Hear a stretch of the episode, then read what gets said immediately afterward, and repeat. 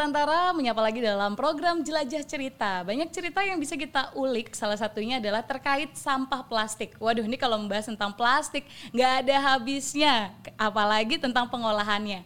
Di Indonesia sendiri aja nih, plastik itu ya sampahnya mencapai produksinya adalah 5,4 juta ton atau sekitar 14 persen dari total sampah per tahun. Bayangkan jika itu tidak diolah dengan baik, bagaimana keadaan bumi kita nanti. Nah, saya yakin nih Sobat Antara, berawal dari kekhawatiran kita semua akan sampah plastik, ada dua orang yang akhirnya mencetuskan ide mengolah sampah plastik dengan konsep kekinian. Mereka membangun usaha bernama Rebrix Indonesia. Kita akan ngobrol langsung di episode podcast kali ini bersama Novita dan juga Ovi. Iya. Yeah. Novita, Ovi, Ovi. Iya. Yeah.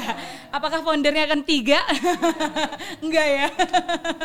Tapi kita sama-sama peduli tentunya sama keadaan sekarang ini di mana sampah plastik itu udah benar-benar memprihatinkan. Tapi sebelum kita bahas tentang konsep Rebrix ini yang buat penasaran nih ya, Novita dan juga Ovi adalah teman ketika kuliah nih, jurusan psikolog, bener ya? Setelah lulus 9 tahun kemudian ketemu untuk bangun ini Betul. Itu. Wah, boleh mungkin diceritain gimana? Apakah mungkin ini konsepnya udah sempat tercetus ketika teman-teman lagi di bangku perkuliahan atau gimana? Siapa dulu? Novita mungkin mau jelasin. Boleh. Sebenarnya kita kalau waktu kuliah nggak terlalu temenan, kita beda circle, oh. cuman saling tahu hmm, karena kita satu UKM kan. Hmm. Uh, cuman Ovi ini sangat populer, jadi kagak Ovi ini sangat populer karena uh, charming kan gitu. Mm-hmm. Jadi sudah ada perpecahan di openingnya. um, jadi uh, apa ya pas terakhir udah selesai kuliah kita tetap apa tetap berhubungan dalam satu circle besar lah gitu. Terakhir-terakhir entah kenapa sih mau menghubungi dia. Eh, uh, Ovi mau bikin usaha gak? Usaha apa?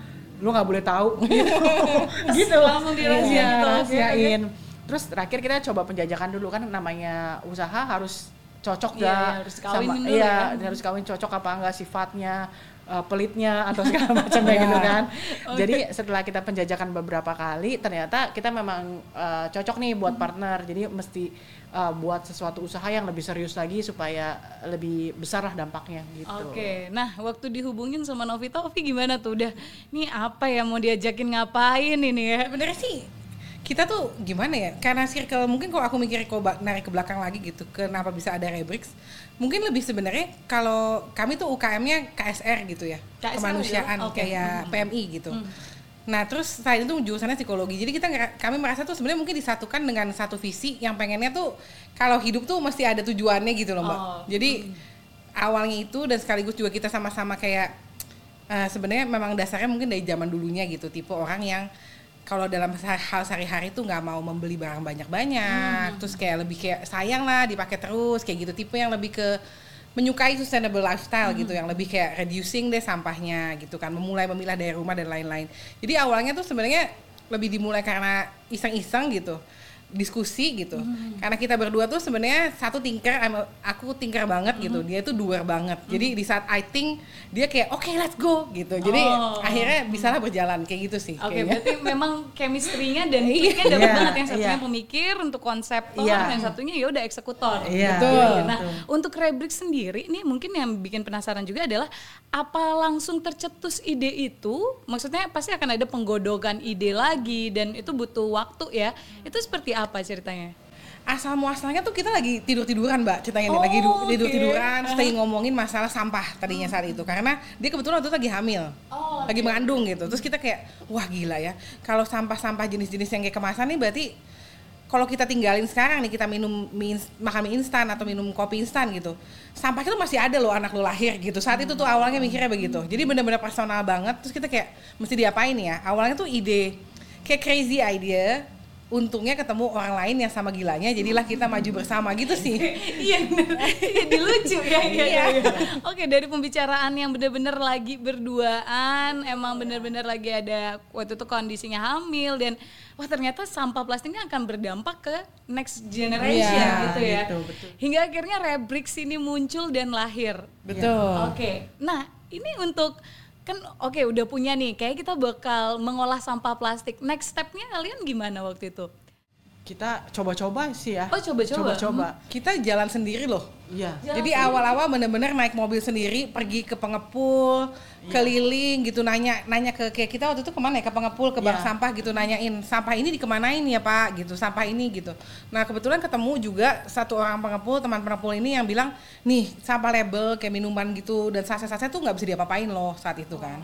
Jadi kita kayak oke let's do this gitu. Jadi bener-bener kita berdua ke mana-mana mbak sendiri. Kayak nyoba sendiri, kayak bisa di belakang gitu. Nanti kita coba-coba dengan alat-alat sederhana gitu ya. Untungnya kebetulan kan saya datang dari keluarga yang memang uh, udah ada pabrik uh, konstruksi gitu ya, paving, paving block. Jadi ada basic lah pengetahuan secara praktikal untuk gimana bikinnya dan lain-lain. Tapi ya sebenarnya dimulai dengan jurnal ya. Kita cari jurnal, teori-teori dari internet, kira-kira tuh membuat pengolahan sampah ini mesti gimana, terus penguatan untuk betonnya tuh gimana, kuat tekan beton tuh kayak gimana, itu semua kita jajaki sebenarnya dari awal sendiri sih gitu. Ini dari 2018 kalau nggak salah mulai akhirnya dikembangkan lagi dan sampai sekarang udah puluhan ribu ki- puluhan kilogram ya sampah yang berhasil Puluhan ribu, diolah iya. puluhan ribu kilogram. Yang buat penasaran juga adalah terkait pengumpulan bahan baku. Sebelum nanti kita membahas tentang pemberdayaan ke ibu-ibu.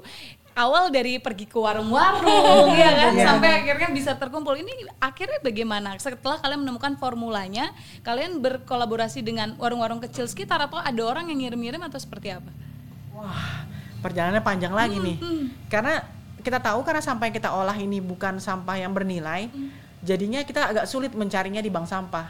Jadi kita cari ke teman pemulung ya waktu itu sampai ke Bogor, sampai ke mana lagi? Ya ke Depok. Karena kebetulan kita ada teman-teman para pengepul, kita ambil dari sana. Tapi sebelum itu sebenarnya kita tuh karena bingung kita cariin warmindo sekeliling. Kebetulan rumahku banyak warmindo. Dibeli sekitar Iya, rumah. kita ada empat warmi, warmindo yang kita ketokin untuk kayak tolong pisahin ntar gua ambil gitu.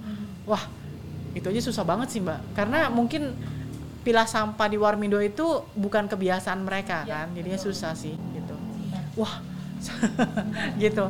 Jadi itu juga membuat apa ya pertama-tama kita kayak di tukang ini tukang apa sih begitu datang sorry ya mbak nggak dulu nggak dulu kayak minta sesuatu gitu. Padahal kan sebenarnya di- kita minta sampahnya dia Iya, kan iya, iya. gitu. Seperti itu sih. Karena sebenarnya lebih ke ini sih.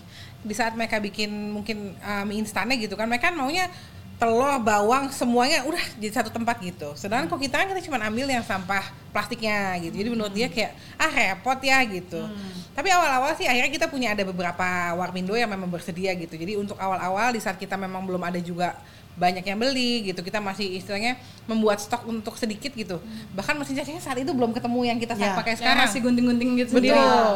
Jadi kita coba-coba mesin cacing tuh susah sih, cuma cukup lama ya. Jadi kita beli mesin cacing yang ini ternyata kurang baik. Kita beli yang ini harus tetap diganti secara custom di sini gitu. Kayak gitu-gitu sih. Jadi akhirnya uh, itulah perjalanannya awalnya. Lalu kita juga mulai di social media campaign. Terus amazingly gila respon dari masyarakat tuh luar biasa banget. Jadi memang teman-teman ibu-ibu yang di rumah gitu yang kita sebutnya rebreakers dengan PD kita memberi nama padahal sebenarnya teman-teman ini yang baik banget gitu mendukung kita ya dari awal. Um, mereka-mereka ini tuh sudah memilah di rumah. Jadi di saat mereka punya sisa-sisa sampah yang low value, yang mereka nggak bisa kasih ke siapa-siapa, mereka sangat excited untuk kirim ke workshop kita. Oke. Dan drop points drop points kita gitu. Oke, sebenarnya eh, secara nggak langsung teman-teman ini udah mengajarkan edukasi ke masyarakat satu terkait pilah sampah ya. Betul. Sebelum akhirnya muncul ibu-ibu ini yang memang ikut langsung untuk membuat konsep Batako dari Rebrix ini sendiri. Nah, mena- ini semakin menarik ya ceritanya karena aku aku ngerasa kayak wah ini emang dari teman-teman yang motong-motong kecil-kecil. Pertanyaanku simpel ya, kenapa harus potong kecil-kecil? Karena kita berharap, uh, maksudnya kita berusaha untuk menyatukan dua komponen material yang Oh. berbeda banget kan sebenarnya, plastik dan beton gitu. Iya, itu iya, komponen iya. material yang berbeda. Makanya kita mau cacahannya sehalus mungkin agar komponen itu bisa bersatu semaksimal mungkin. Oke, soalnya kalau kerajinan tas biasanya kan dibiarin ya logo-logo Iya, kopinya. iya. Ternyata itu kalau secara konsep disatukan dengan paving block material itu nggak bisa. Nggak bisa. Jadi memang teman-teman harus effort banget untuk akhirnya mencacah dengan tenaga ya. Iya. Bahkan aku emis banget pakai gunting gitu. Wah itu udah kan? kapalan terus kalau yang udah lama sama kita tuh kayak perjalanan beberapa staff di belakang kan kayak laki-laki tapi menggunting-gunting kayak kan biasa gue bikin puff Iya, iya, gunting-gunting gitu seharian bisa gunting-gunting doang gitu Oke, oke. Tapi sampai sekarang kalau perjalanan Rebrix sendiri udah bisa aku bilang menginjak hampir lima tahun ya. Iya. Dengan perkembangan yang awal hanya kalian nih, sampai sekarang kalian sudah punya tim lah. Itu seperti apa? Maksudnya dari tim yang sekarang jumlahnya berapa? Kalian bisa memberdayakan masyarakat sekitar? Bagaimana? Aduh, itu tuh sebenarnya kadang-kadang ah, gini, ah, orang tuh suka memperta ah, saat kita berkembang gitu ya, apalagi saat itu kita pandemi ya mbak. Jadi benar-benar sebenarnya apa yang terjadi sama Rebrix tuh kalau kita bilang kami sudah memplan secara rapih pada tahun segini kami akan melakukan ini ini itu bohong. Dalam perkembangannya apalagi dengan pandemik yang super unknown aja iya, gitu apa betul, yang harus terjadi. Itu semua berkembang tuh kayak menurutku ada ya namanya upaya tidak mengkhianati hasil itu satu. Selain itu juga mungkin sudah waktunya gitu dan ada juga divine kok kita nyebutnya bantuan yang di atas gitu. Di saat kita melakukan apa yang baik, jalannya tuh dibukakan. Jadi kadang-kadang kita bertemu orang yang tepat, perusahaan-perusahaan yang tepat, komunitas yang tepat gitu di mana mereka tuh juga mendorong kita untuk berkembang lagi nih. Wah, kita harus berkembang nih ternyata pendekatan yang A tidak berhasil, kita masih ganti pendekatan yang B. Roster ini sebenarnya benar-benar pelatihan roster yang tadi aku kita cerita tentang ke ibu-ibu. Lahir dari keinginan kita untuk berbagi sesuatu kepada komunitas. Dan saat itu kita nggak bisa bagi untuk uh, main produk kita. Karena main produk kita itu kan uh, menahan beban ya. Jadi ada satu kriteria ke- kekuatan yang mesti tercapai. Jadi kita nggak bisa melatih karena kita ingin kita akan selalu punya kemampuan untuk quality control itu. Gitu sih Nah, kalau quality control sendiri sebenarnya gimana untuk eh, kemampuan dari teman-teman Rebrix ini? Sebelum kita bahas nanti yang terkait rooster dan ibu-ibu itu ya pemberdayaannya. Nah, produk kita tuh kalau paving kan sama hollow block ini kan memang ngikutin standar eh, nasional ya kan ada ya. Kalau paving kita eh, kuat tekan kita itu 250 kg per cm persegi. Jadi kalau berdasarkan standar itu udah bisa ke roda 4 sampai ke bawahnya gitu. Sebenarnya mm, kita juga udah apa ya pas the test apa eh, tesnya tuh udah lewat bukan pas- Melewati. melewati eh, lulus uji eh, uji combustible di Singapura sama eh, kita oil wet ram test di Singapura gitu. Untuk pemasaran sendiri ini yang menarik sudah di area Jabodetabek ya. Peminat itu seperti apa rata-rata? Wah, ini seru sih kalau ngomongin customer ya. Karena sebenarnya kalau produk paving sama hollow block ini adalah lokal ya, lokal bisnis gitu ya.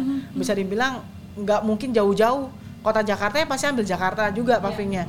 Tapi kalau di Rebrix ini kita punya customer dari Merak ke Surabaya, ke Singapura juga ada kita. Oh, berarti sudah ke luar negeri juga ya? Hmm. tahun ini kita kebetulan ada pengiriman ke Singapura gitu.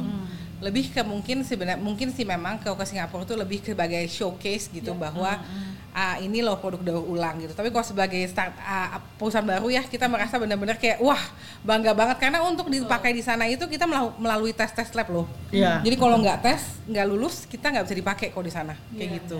Dan memang tadi sudah lulus juga uji Iya, coba di situ iya, ya. Dan iya. tenggat banget itu perjalanan lima tahun membuahkan hasil. Ini baru di ASEAN sendiri. Nanti kita berharap Asia bahkan Amin. Amin. Amin amin. Nah, kenapa aku suka banget sama ten- te- konsep dari Rebrix sendiri selain memang peduli terhadap lingkungan, nih kita masuk ke itu pemberdayaan ibu-ibu. Ini kan artinya teman-teman Rebrix memberikan pemahaman baru atau pengetahuan baru untuk ibu-ibu sekitar. Itu bagaimana awal konsepnya deh aku pikir dulu. Ketika kalian tercetus, eh daripada kita simpan sendiri, biasa perusahaan kan maunya gitu ya, kita simpen aja ini untuk kita gitu.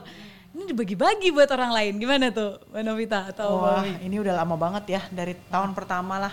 Kita tuh kolab sama salah satu eh, Astra gitu ya, kolab sama satu bank sampah untuk membina bank sampah ini karena bank sampah ini salah satu bank sampah yang unggulan di Jakarta. Jadi untuk dia juga kesulitan untuk mengolah sampah plastik eh, single use ini tertolak lah gitu. Jadi eh, kita coba berdiskusi dan mereka mau dan ibu-ibu itu rata-rata lebih mau ya lebih semangat pengalaman gitu. ya. Dari enam komunitas yang kita latih ya, Ya.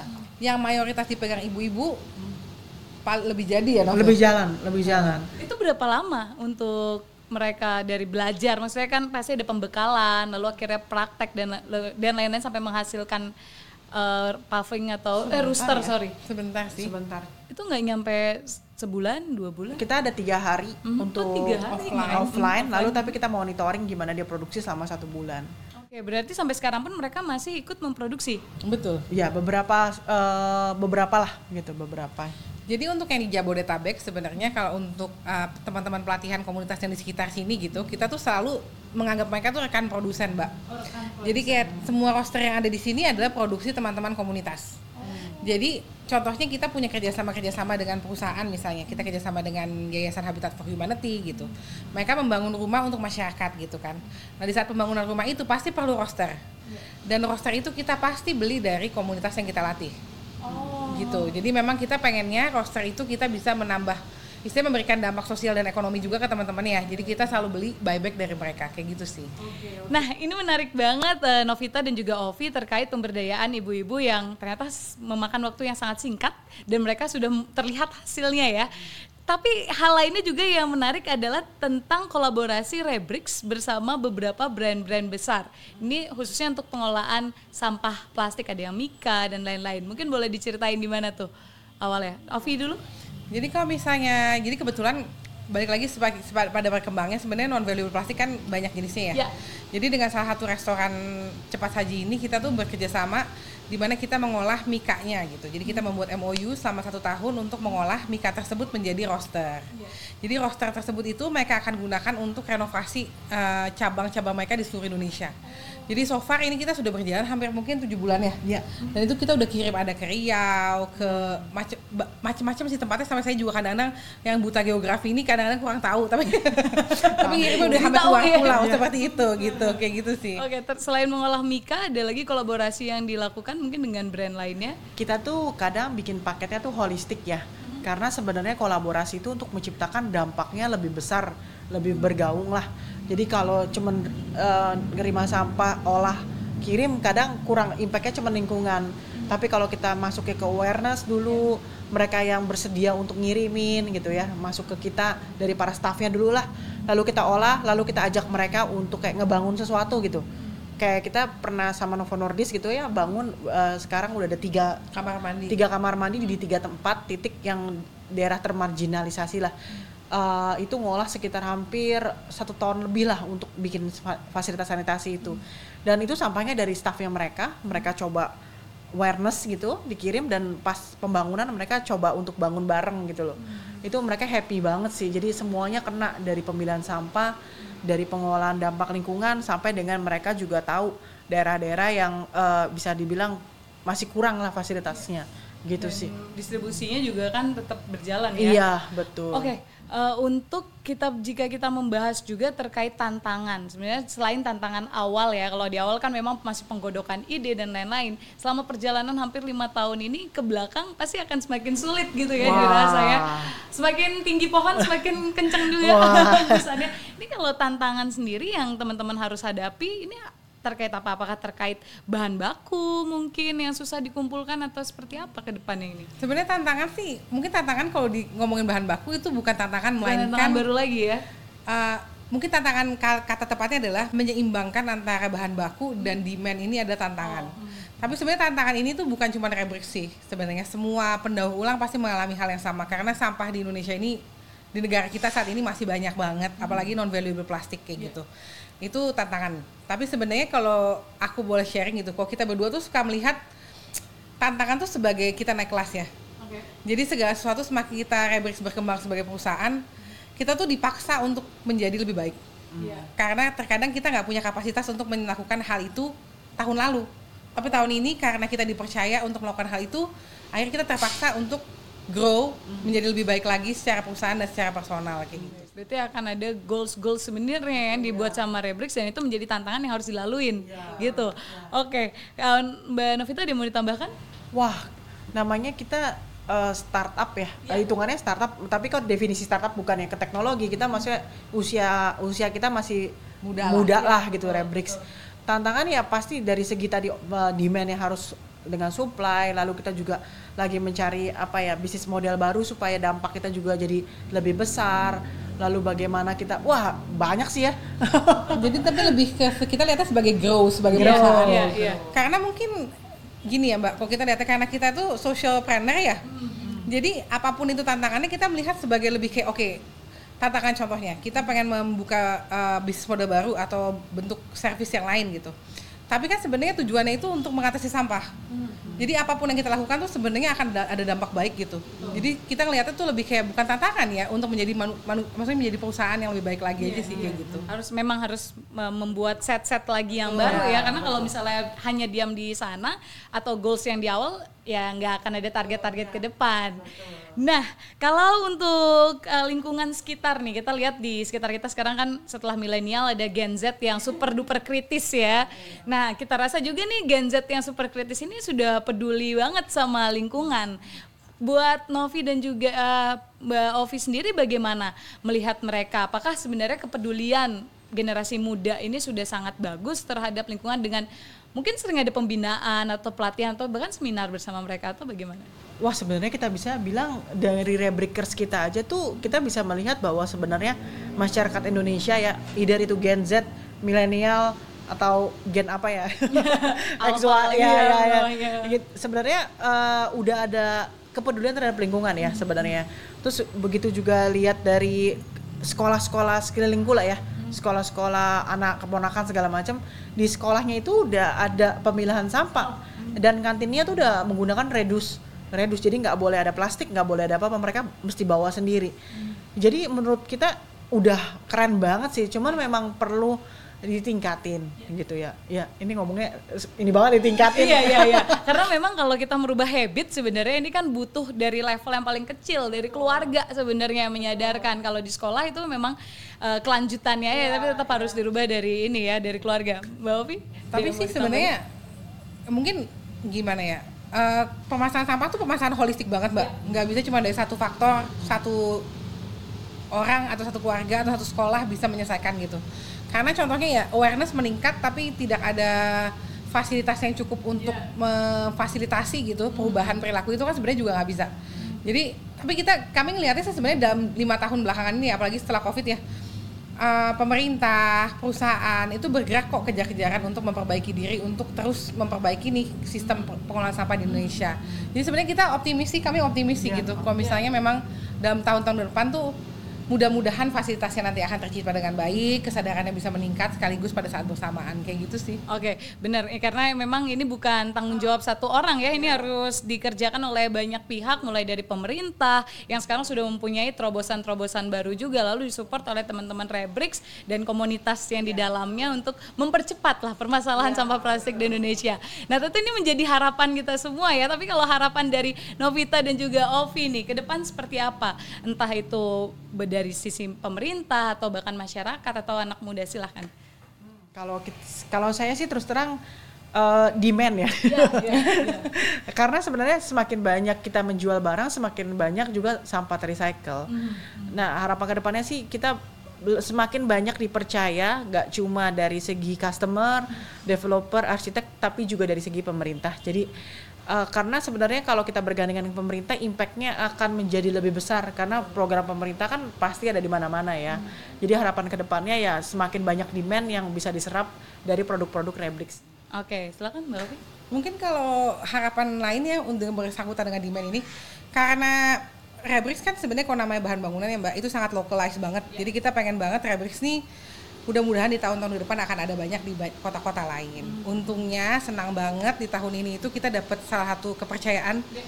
dari USAID untuk uh, didukung untuk membuka cabang di Semarang. Okay. Jadi kita akan ada di Semarang tahun ini. Yeah. Yeay. Lima tahun Jabodetabek Semarang. Betul. Jadi kita berharapnya bisa memberikan impact juga nih di kota Semarang dan sekitarnya. Jadi kalau teman-teman kayak gitu yang ada di Semarang dan sekitarnya kami akan ada di Semarang kayak iya gitu. karena nanti Semarang pun dan nanti kota-kota lainnya akan merasakan efek domino kalau aku bilang ya ada membuka rebrix ini bisa melakukan pemberdayaan masyarakat sekitar mengurangi permasalahan sampah di daerah itu kecil tapi sangat bermakna gitu ya, ya. betul, betul, betul. oke ada yang mau tambahkan lagi dari Novita dan juga Ovi sih ya cukup hmm. ya Ovi mungkin klise sih mbak. Tapi sebenarnya menurutku tuh perubahan tuh harus dimulai dari kita oke. Okay. terdengar klise iya, ya tapi benar. Iya, iya, maksudnya iya. dan it's okay to not be perfect gitu sebenarnya dalam journey perubahan ini. Kita juga belum perfect meskipun kita melakukan pendaur ulangan ini.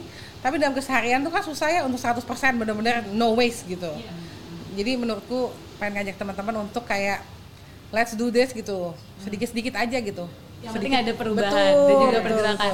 terakhir boleh ya buat informasi lebih lanjut ke Rebrix ingin tanya-tanya atau bahkan mungkin punya komunitas yang ingin diberdayakan juga minta tips dari teman-teman silahkan bisa kontak ke mana? Bisa follow kita di Instagram rebrix.id di situ nanti ada link tree-nya yang bisa dihubungin sama admin. Amanda bisa selalu siap me melayani Anda. gitu sih. Oke, okay, ya. berarti tinggal langsung akses di sana nanti di bawah ini ada ya kita kasih. Jadi biar sobat antara lebih mudah juga. Terima kasih. Terima kasih. Terima kasih. Mbak Nomita dan juga Mbak Ovi ini obrolan yang luar biasa. Pokoknya kita harus mulai dulu dari diri kita sendiri. Perubahan kecil itu kita yang menentukan ya. Kalau tidak kita yang mulai siapa lagi masa membiarkan anak cucu gitu kan. Mungkin ini klise bener. Mungkin ini klise tapi teman-teman Rebrik sudah membuktikan lima tahun perjalanan mereka bisa membuat membuat sesuatu hal yang berguna ini dalam hal bangunan. Teman-teman, semoga episode kali ini bisa menginspirasi kita khususnya agar kita semakin lebih peduli terhadap lingkungan dan mulai mengurangi sampah plastik. Sampai jumpa di episode lainnya. Bye.